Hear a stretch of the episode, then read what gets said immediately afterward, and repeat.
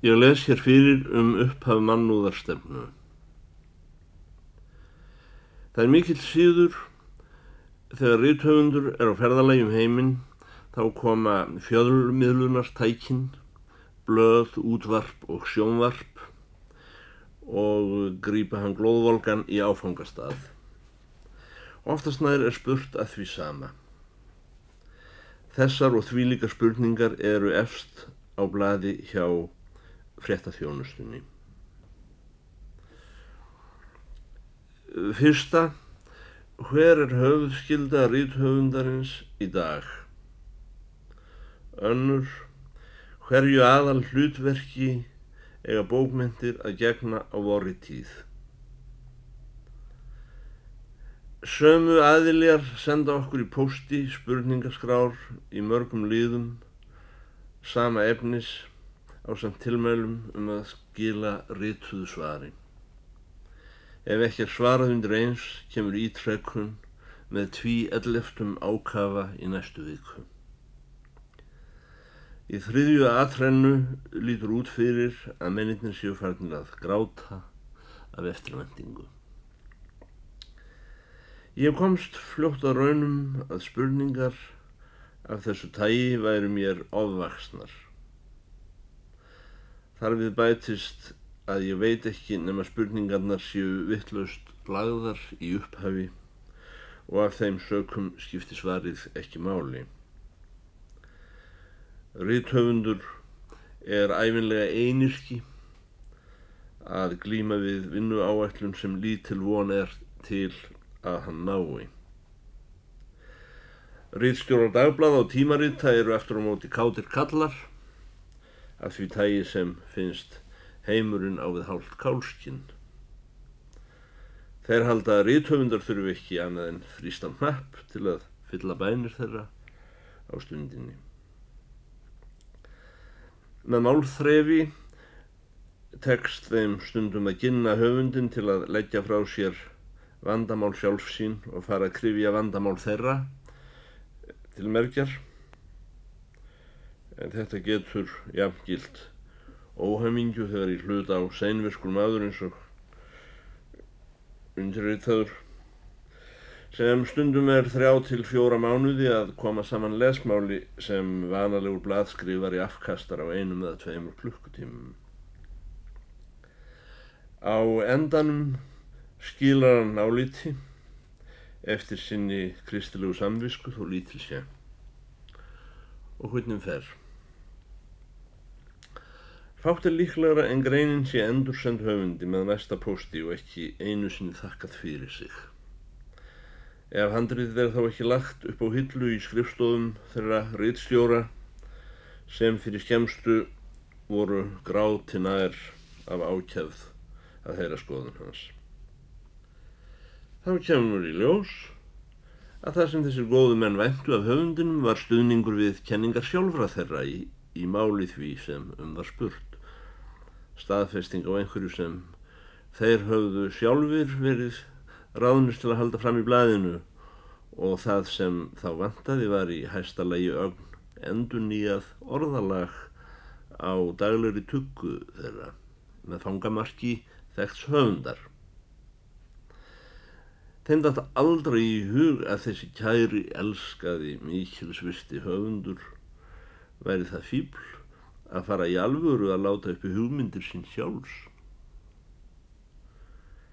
Tökum sem dæmi spurninguna um höfðskildu rít höfundarins í dag. Það sem fyrst kemur upp í hugan við slíkri spurningu er önnur spurning sem sé svo hvaða fólk þykist þess umkomið að hymta opimbera greinargerðum skildur rytöfunda. Og í öðru lagi, hvað kemur þessu fólki til að halda slík almenn höfuðskilda rytöfunda sér til? Hitt dæmið, hvaða aðal hlutverki bókmyndir eigi að gegna nú á tímum, er aðeins sama skeifhaugið í annari mynd með því fáir Hlutir eru jafn illa til fallnir og bókmyndir að vera læstir í höfuðreglu í eitt skipti fyrir öll. Bókmyndir láta sig ekki aðeins varða allar greinar mannlegra starfsemi. Heldur tjá þær fjölbreytni mannlegra hugsunar og reynslu með óendanlegum mismun sjónarmiða. Ég myndi segja að hlutverk frjálslindra bókmynda veri frjálslindi. Hlutverk íhaldsamra bókmynda að vera íhaldsamur. Kristnar bókmyndir og bókmyndir Múhammestrúan manna hafa ekki sama hlutverk, horki á okkar tíman í en einum öðrum. Einn skálsagnahöfundur aðhyllist freudisma, annar marxisma. Þeir hafa ekki sama hlutverk. Til eru mariológiskar bókmyndir, bókmyndir um hæsnarækt, bókmyndir um lofalestur og það er til leikrita gerð skynnsemis andstæðinga, absúltista. Að hafa þessar bókmyndir allar í sama orðinu eins og það ættu aðeins einu verkefni að sinna er andstæðara skynsemi en nokkuð sem skynsemis andstæðingar geta látið sér þetta í hug. Spurningu um aðstu skildu rauðtöfundarins í dag treysti ég mér ekki til að mæta öðruvísi en með einu afdráttarlausu fyrir fram svari aðsta skilda rauðtöfundarins í dag er að skrifa það sem honum líst og láta aðra rauðtöfunda í fríði. Er nokkur sjálfsagðari aðferð til að mæta kröfunni um skildu rauðtöfundarins í dag? Væri þó kannski sanninær að fagna guðleiri náð sem því hefur forðað að slík stjarnar yfir til, en það myndi hún líkari láðs og lagardýri úr fornald jarðsögunar en rítöfundi, ef til væri. Á vorum dögum verða rítöfundar taldir í hundruðum þúsunda, en enginn þeirra er rítöfundurinn í dag. Einn og sérhver í fjölmennum hópi rítöfunda hefur sín viðbröð fyrir sig og er einstaklingur háður verkunum og gagnverkunum, hugsar þess vegna og rítar öðruvísin hinnir. Þeir í stjettinni sem síst er mark átakandi, það eru skrifdraugar annara, ghostwriters sem kallar eru einsku. Í ymsum myndum sem er að burðast við að skrifa í umboði eða að forsögn annars aðilja. Það er að vísu satt að hvorki hleypidómar nýja gagnrýni vinna á skrifdraugi. Hins vegar kemur hann ekki sjálfur fram í þeim orðum sem hann skrifar og því síður sá maður sem hann skrifar fyrir. Sjálfur er ég óbrotin í hugsun, sagt er það. Og Danir segja stundum að ég hljóta að vera lélegur hugsuður og því ég skrifa skálsögur.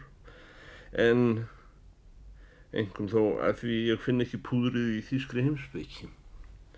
Hvað um það? Ég skrifa það sem mér sínist en reyni að láta ekki aðra tiggja í mig og þess vegna tel ég mig rítöfund. Ímyndunin um einn rítöfund.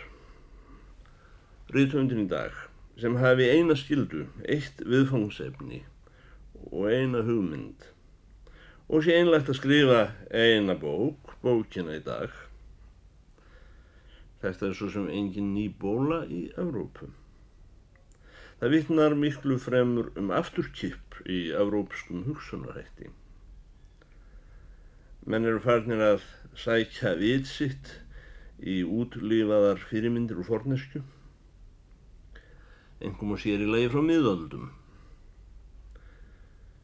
Hugmyndin um einn höfund og eina bók ber merkið þeirra tímabila þegar snöggsóðin bókleg menning hefur tekið við af bókleysi, þá halda hálfsiðaðir menn, en engum þó villimenn, að bækur séu töfra ílát guðlarar opimberunar og letrið ljúki upp sannleikanum mikla sem allir þess konar menn trúa á um leiður neyta staðrendum. Svona fólk heldur að einhver guðdómsvera hafi innblásið bókskrifaran til þess að hann leiði það fram úr myrkri og þanga sem stóri sannleikur býr. Svo vil til að á Íslandi sem eitt landa í Evrópu skapaði heimsbókmyndir á tungu sinni á miðöldum. Þar hefur bókvísi æsíðan verið dagratvöl almennings. Jafnvel í sjálfu miðalda myrkrinu voru íslenskir sveitakallar læsir og skrifandi. Fræg miðaldasaga er um lærdómsmannin Balsjam sem fjall í hendur ræningum og um, glemdi öllu nema stafrófinu og tók að þylja það. En þá urðu ræningjar svo hrættir að þeir letu hann lausan og flúðu. Þessa sögum myndi aldrei nokkur maður hafa skilið á Íslandi. Engin ræningi á Íslandi myndi hafa sleppt balsjam. Í slíku landi er svo hugmynd fjari lægi að maður sem setur bækur saman hljóti að vera einhver skemaður eða sjaman, tauramaður.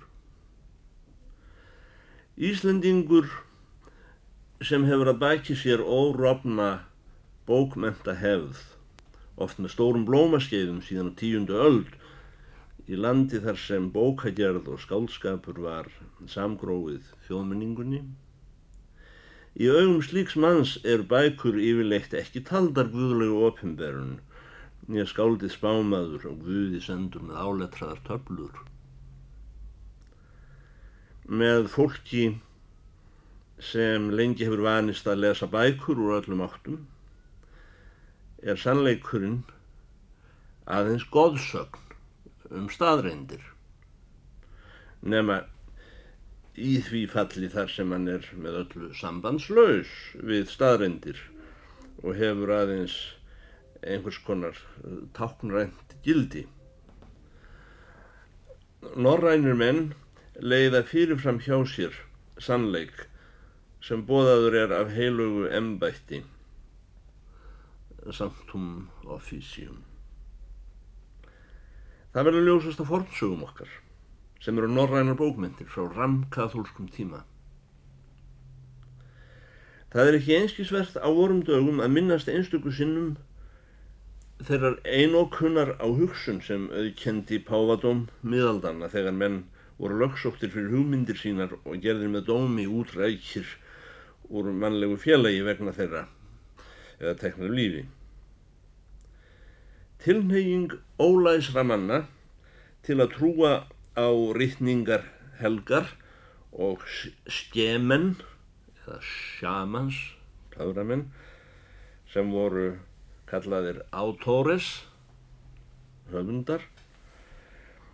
Þessi tilneying var leitt í farveg snemma á miðöldum til framdráttar kenni embætti kirkjunar. Þessi þróun var reyndar mikilsverður hlutur að því leiti sem hún bjargaði leifonum af síðmenningu Rómaveldis. Sigur sælir barbarar sem kappkostuðu að festa vald sitt á rústum þessa heimsveldis hlutu að leita samstarfs við kirkjuna sem ekki hafiði aðeins tekist að halda sínu heldur gemdi fjöregs hins forna ríkis, menningarlega og þjóðfélagslega. Rómversku kirkjunni tókst bæði að kristna sigurvegarana og ljáðum skipulagslega aðstóð. Þar með boruðu þeir sér líka inn í ríki sem í myndun voru eftir þá umbyltingu sem mest hefur orðið í sögu Evrópu það með vita það er að segja fall Rómaveldis. Þannig náði kirkjan hakkvæmu tangarhaldi á þessum nýju ríkjum frá öndverðu og tvískipt vald miðalda Evrópu var stopnað. Pávadómurinn innblés hugmyndafræði og siðferðilegum anda í smá kongsríki sem voru vísir að viðlendum ríkisheldum síð miðalda. En let kyrst líka þó veraldarvaldið heldist í höndum nýkristnara sigurverðana. Vald án líðræðis er æfinlega ósálfræðilegt, jáfnvel andsálfræðilegt fyrir bæri. Og svo var á miðöldum engur síður en á vorum dögum nema í enn ríkara mæli væri áður en líðræðis hugmyndir eruðu til. Stjórn landa var hagað eins og í innræðisríkjum nútímans þar sem þjóðin sjálf á öngva aðild en tíðindi um aðhafnir eigin stjórnar berast mönnum á skótspónum stundum sem fréttir frá útlöndum eða alls ekki. Stjórnarfar á miðöldum reys á allræði sinnaðri trúarhugmynd í saminningu við alóháð vald. Það er eitt meðal sérkjanna allræðisvalds að þeir sem að því standa fá aldrei skilið að rittningar helgar samfara útlagningum stopnana á sömu rittningum eru ósamræmanlegar mennskri hugsun og ekki vinnandi vegur að fá menn til að samþykja þær þó þær séu predikar á hverjum degi í þúsund ár enda myndi víst ekki þurfa að predika þær annars rétt trúað vald elur ósjálfrátt uppreistar gjarna villutrú allt í kringum sig jöfnum skrefum. Í kappleik er sá aðilín Sigur Stránglegri sem átti fyrsta leik og er hægt við að svo horfi jafn lengi og báðir hafa þól til að halda áfram. Þeir sem ráða yfir helgri bók ásamt kennarastóli réttrar útleikingar á henni. Ég tala ekki um ef þeir eru þar á afan húsbendur verðlega valdsins. Þeir virðast blátt áfram hafa stopnað þúsund ára ríkið sem er draumur allra mannkjumsfrelsara. Svo myndi líka vera í reynd ef ekki kæmi til þetta eina bólverk sem horki stopnun nýja sannleikur og ekki einu sinni stopnunar sannleikur vinnur á. En það er líffræðilega grundvöldu hvöld manna til að bregðast hver í sínu lægi, hver á sinn hátt við umhverfinu, hugsa eftir viti sínu og tjá hugsin sem einstaklingur. Og þó margir stundi vara þjónustu til að halda lífi, hefur vald mannkynnsfrelsaranna ekki fyrr slakað á klónni af einhverju handvömm en hinn er frelsuðu eru hættir að æpa samkvæmt bók stjórnarinnar og hallelujaðið hefur snúist við. Það er ekki finnað 13. öld að Pávadófnur öðlaðist bolmagn sem þurfti til að samlaga rannsóknarréttin ríkiskerfum Európu svo lísamætti sérhyggjum heldræpa að lögum hversum þeir fyrir hittust. Má segja að ríki í Evrópu hafi gerst handbendi rannsóknaréttarins eins og þau lögðu sig. Harðráðustu fyrirmæli hans voru samsömuð veraldleiri lögjöf. Fyrir harðfylgi heilags embættis var sérhyggja í hvaða formi sem var gerðað höfuð afbroti Európumanna á miðöldum svo aðrir glæpir bliknuðu þar í samanburði. Það var á eitt fyrir sig af herri sönnunargagna var krafist til að dæma mann fyrir trúvillu en nokkurn annan glæp. Óljósar líkur, jafnvel órögstutur kvittur um sérhyggju, næði til þess að bakamönnum þungar efsidóma. Njósnakerfi var skipulagt með saminum tilbeina klerkastjættar, veraldarvalds og sérhæðara embættismenna rannsóknaréttarins á hverjum stað. Mönnum var gert að skildu að njósna um nágranna sína og vini og koma upp um hvern þann er hefði afbreyðilegar hugmyndir.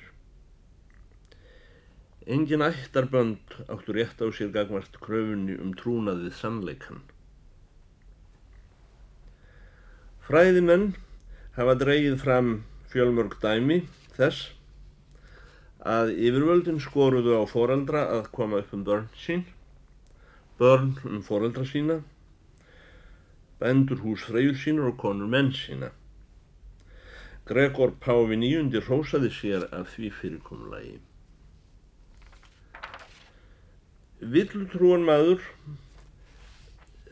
það er maður sem hugsaði öðruvísin yfir völdin, hvort heldur grunaður eða uppvís, var með öllu rétt laus.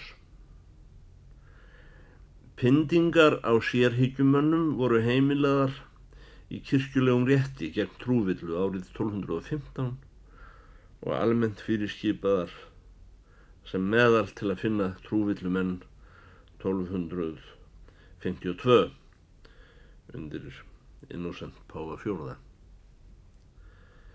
Það er ekki furða þó samtímamaður þessara stórmæla Snorri Sturluson leitaði að smugu til að nýbla Kristindóm. Þó hann hætti sér ekki lengra en leggjast líkar aðtugasemdir í munn heiðingja og stigamanna í heimskringlu. Þá eru þó hinn fáorðu andmæli Særiks konungs og Gaukaþóris gegn réttri trú blátt áfram undur í bókmentum þess tíma. Net rannsóknarréttarins var þanið út um borg og bí og engin bráð svo smá að hún slippi gegnum þéttriðna möskva þess. Svo er niðurstaða leiðu sagfræðings þess er að miklum lærdómi hefur sett sögu rannsóknarréttarins saman það er um, Lea uh, History of the Inquisition of the Middle Ages 1883 Engin maður gæt verið örugur um sig gagmart þessu valdi. Jáfnvel biskupar og kardinálar stóð upp í berskjaldaður öngu síður en aðalsmenn og kaupmenn. Því í auðum sérhyggjumönnum var góður veiður og höfðu inkvísitórar upptökur á fjöðferra að yfirvarpi til að afla réttinum rekstarfjár.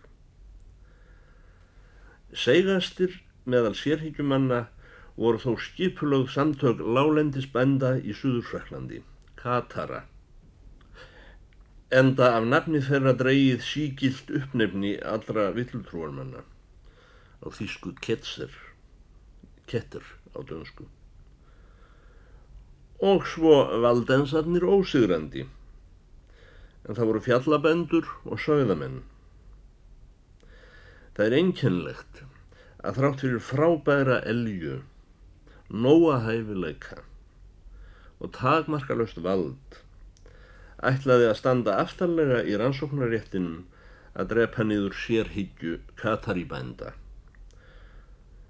Farið var í stríð við þá og bóðið út miklu herliði brendar eignir þeirra, fólkinu sálgrað og výjum þess jafnaði jörðu. Þetta starf tók hundrað ár. Valdensa tókst þeim aldrei að afmá til fulls. Þessir fjallaböndur heldu áfram að berjast, öldum saman, fyrir lífi sínu með aðferðum sem minna á aðgerðarlösa andstöðu ekki óþekka non-cooperation hjá Gandhi á vorum tímum og urðu aldrei á enda kljóðir. Í þessa mynd má bæta henni laungu sögu af ofsóknum kristinamanna á hendur gýðingum. Er þó gýðinga trúað sínu leiti upphaf kristinartrúar svo greinilega að erfitt er að komast hjá því að skilgreina hinn að síðari öðruvísi en sértrúarlegt ægsli út úr henni fyrri. Þurðu mikill fjöldi manna sem þóttu óklárir í kenningunni voru dregnir fyrir rannsóknaréttin og látnir sæta kárínum sem þessi stopnun hefur kunnað að setja mönnum mestalalega. Útsmognar aðferðir andlegar og líkamlegar sem þessir umbóðsmenn sannleikans kunnu í pindingum á samt sérvisku í helgisíðum sem þeir letu hafa um hönd meðan stóð á limlestingum og aftökum má enn telja með stórfengilegum listgrænum miðalda. Verður engin svikinn sem stúderar það. Jáfnvel vor valdakerfi á 20. öld.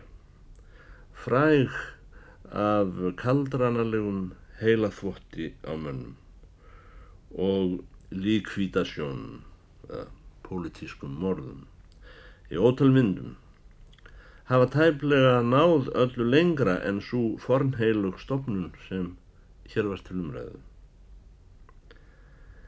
Þeir sem telja að vorkynnslóð hafi síðan villimennsku ná hámarki í sögu heimsins myndu verða góðu bættir af að kynna sér sögur ansóknaréttarins á miðöldum og taka sem ábæti skýrslu um kontrareformasjón á spáni.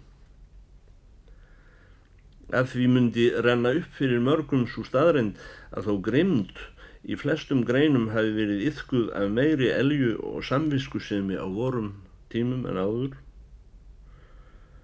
og ymsar aðferðir fundnar af oss sem öngum dætt í hugi fyrir daga til dæmis gaskæfingar aðferðin og aðra skrítnar þýskar uppgötvanir í mistrýmingum voru margar fáranlegar píslir týðkaðar til forna sumar aðeins í frumgerð aðrar háþróskaðar nokkrar framdar opimberlega á torgum aðra leynilega í svarthólum og kjöllurum, en allar löglegar, réttarfarslegar og réttar eftir fylstu skilgreiningu þessu orðs.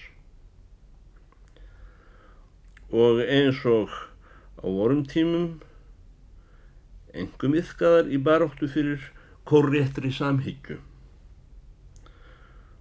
og til að leiði rétta hjá mönnum neyð til frábrúðins skilnings á helgum rittningum ja. pólitískir tekstar myndi þetta kannski verið að kalla nú á dögum Merkur varnaðarmadur rúsneskra bókmenta og virðulegur ríðtöfundur í dag, Ehrenburg segir það hafa verið einstakt lán líkjandi við haptrættisvinning að hann var ekki drepinn sem sérhyggjumadur undir Stalin. Vitanlega er engin eðlismunur á því ógnarvaldi sem kent er við Pávadóm miðalda og hínu sem auðkennir miðaldamenn á okkaröld og vant er sér til hægri verka að kenna við Hitler eða Stalin. Munurinn er sá einn að réttarfarsleg bráð okkar manna tveikja var á einum 20 árum miklu fjölmennari en samanlöð fórnarlömp Pávans á þeim 450 árum sem rannsóknarétturinn stóðu blóma. Ég kýs að nota orðið sérhyggjumæður í staðin fyrir trúvillingur um þá sem hugsa og tala afbríðilega og fást ekki til að taka þátt í, í réttrúuðu pjemáli eins og útgengur af ofnbjörnum stofnunum fyrirskipað stjórninni. Það er ekki þar með sagt að sérhyggjum enn séu áreiðanlegri en sá múur kallaður á íslensku skittinhæla sem mælir eins og aðrir mæla. eh, eftir fyrirskipun frá yfirvöldunum. Þó hverum sig í hóknum kunni að hugsa fleiri en hann talar. Margir sérhyggjumenn eða villumenn höfðu ekkert til síns ágætis annað en hafa náði einhvern tillingaský til að þjarka úthaf eða voru í tengslum við hópa sem Sanctum Officium hafði illan bjúður á. Oft voru þeir enn heimskulegri í hugsun og tali en nokkun tíma umbóðsmenn hins heilaga embættis og rannsóknarétturinn sjálfur. Sumur höfðu ekki annað sér til ágætis en ágreiningum einhver smávegis framkvæmda atriði og stóðu á honum eins og hundar á róði hvað sem tautaði og raulaði. Oft voru þeir kannski sannfærðari um megin atriði sjálfrar höfðkenningarinnar en ímsir umbóðsmenn rannsóknaréttarins eða jafnvel páfinn sjálfur. Það er engin ástæða til að halda að pávar miðaldana hafi haft meiri trú á katholsku en til að mynda Stalin á kommunisma eða Hitler á þjóðurnisocialisma. Valdið eitt skipti máli. Fljótt á litið eru sérhyggjumenn ofur einfallega fólk sem getur ekki samsynt ofinberum skýringum rittningarna á einhverju grein. Stundum á skilningi eins orðs. Á kirkjuþinginu í Nikea rifust mestu valdamenn heimsins út af einum sérhljóða í grísku orði svo um tíma virtist allt ætla um kollakæðrabæði í austri og vestri.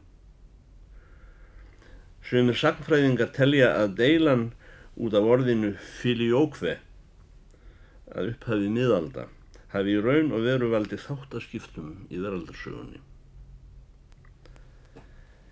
Sérhyggjumenn vissu ekki upp á sig fyrir Guði og sinni kristilegu samvisku aðri veru ókristnir.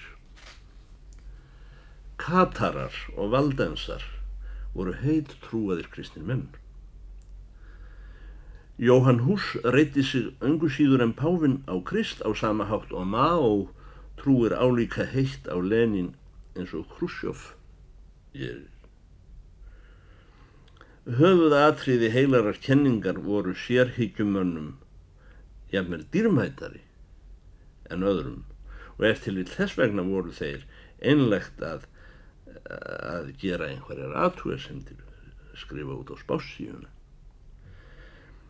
Þessi undarlega náttúra til hótfindni endurskoðunarstefna er slíkt vist kallað nú kom þessum góðum önnum á kaldan klaka.